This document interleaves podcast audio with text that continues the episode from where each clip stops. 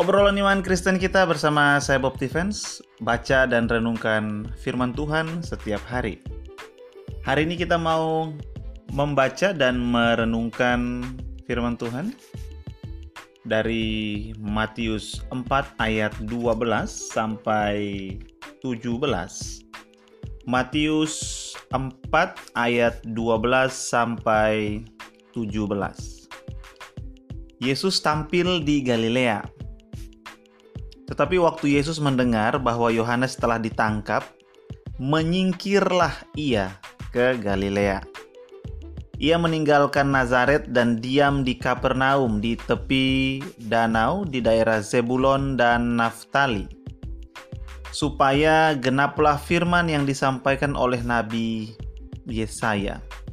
Tanah Zebulon dan tanah Naftali jalan ke laut daerah seberang sungai Yordan Galilea, wilayah bangsa-bangsa lain.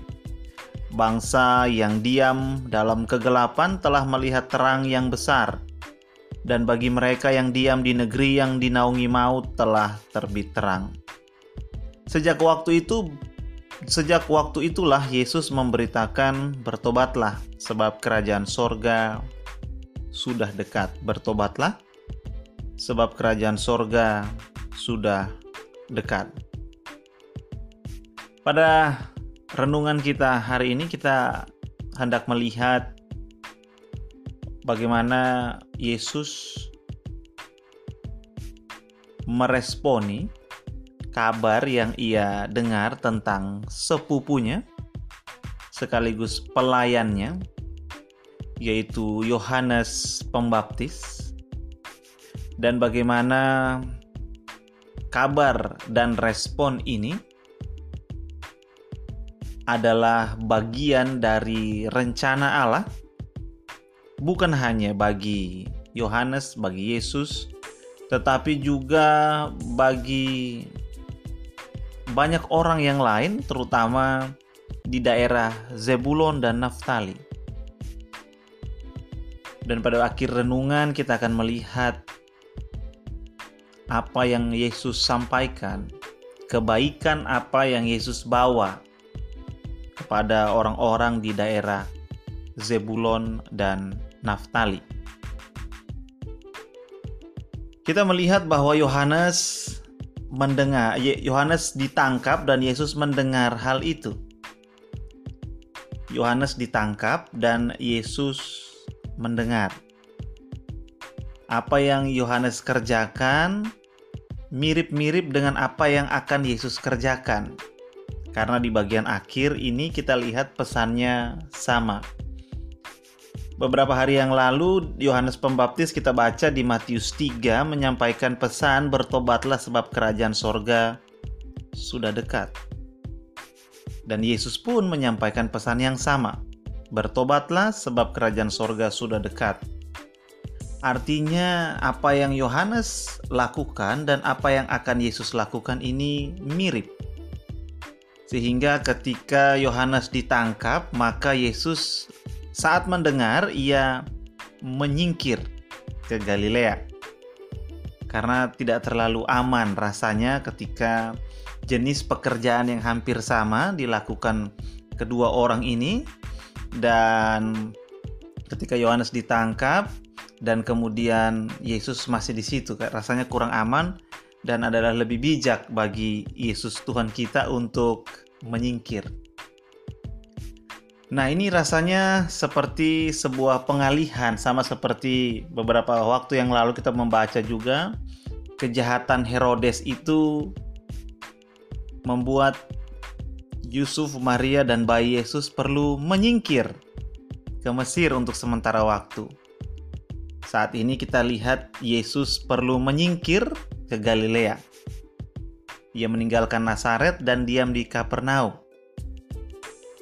Nah, penyingkiran ini karena keadaan yang memaksa justru membuat tanah di daerah Zebulon dan Naftali, orang-orang yang tinggal di daerah Zebulon dan Naftali melihat terang yang besar dan mereka me, da, bagi mereka telah terbit terang ayat 16 bilang begitu.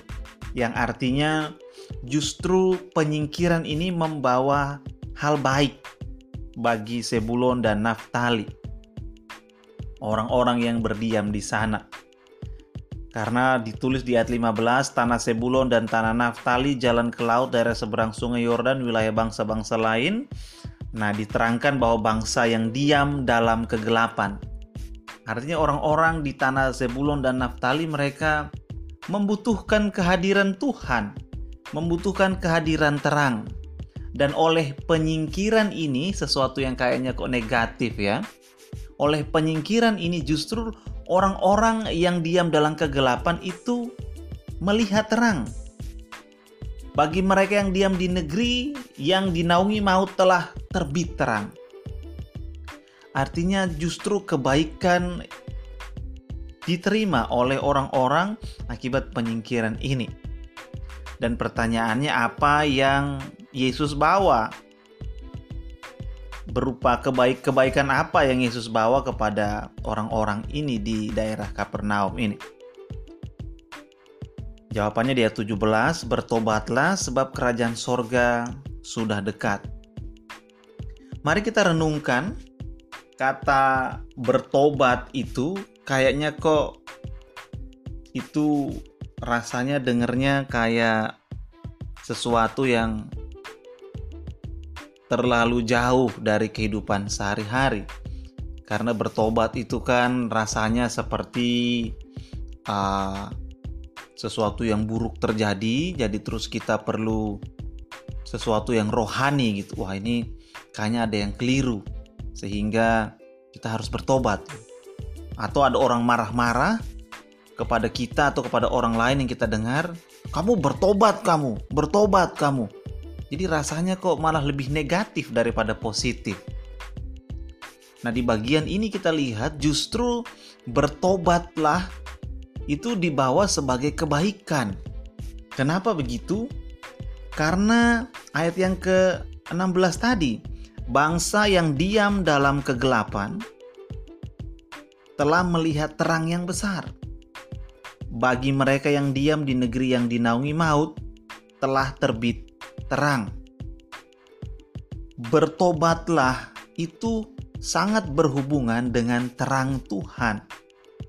Jadi Sebulon dan Naftali, daerah Kapernaum yang Yesus ke sana karena penyingkiran akibat Yohanes ditangkap ini, Yesus membawa terang kepada orang-orang yang diam di bawah naungan maut.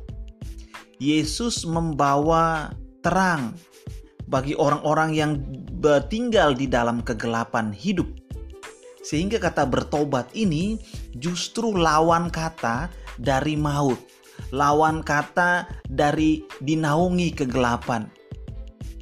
Nah, kita mau kita renungkan di sini bahwa ketika seseorang berada di dalam kegelapan, ketika seseorang berada di bawah naungan maut, maka jawaban bagi orang itu adalah bertobat. Karena kata bertobat itu sendiri mengandung arti berbalik dari jalan-jalan yang salah, berbalik dari jalan-jalan yang keliru, berbalik dari kehidupan yang berdosa, berbalik ke mana? Berbalik kepada Allah berbalik kepada Sang Pencipta hidup, kepada Sang Terang itu sendiri. Jadi, kita hari ini mendapati bahwa kita butuh pertobatan untuk kita bisa melihat terang. Bagi kita yang sedang berada di dalam kegelapan, di dalam bayang-bayang maut, kita mungkin ketakutan, khawatir, kecewa, hancur hatinya, bahkan hancur hidupnya karena dosa, pemberontakan, kesalahan kita kepada Tuhan, atau karena dosa orang lain kepada kita, kita perlu berbalik kepada Allah, perlu berjalan ke arah Allah, ke arah terang itu, karena pertobatan, bertobat ini itu mengandung kebaikan bagi hidup kita. Kenapa? Sebab kerajaan sorga sudah dekat. Kita diundang masuk ke dalam kerajaan sorga melalui bertobatlah. pertobatan adalah jalan menuju ke dalam kerajaan Allah. Kira-kira demikian renungan kita hari ini. Sekali lagi di garis bawahi pertobatan adalah jalan menuju ke dalam kerajaan Allah. Sementara itu sejahtera dari Allah Bapa kita dan kasih karunia darinya menyertai Anda dan orang-orang yang Anda kasihi.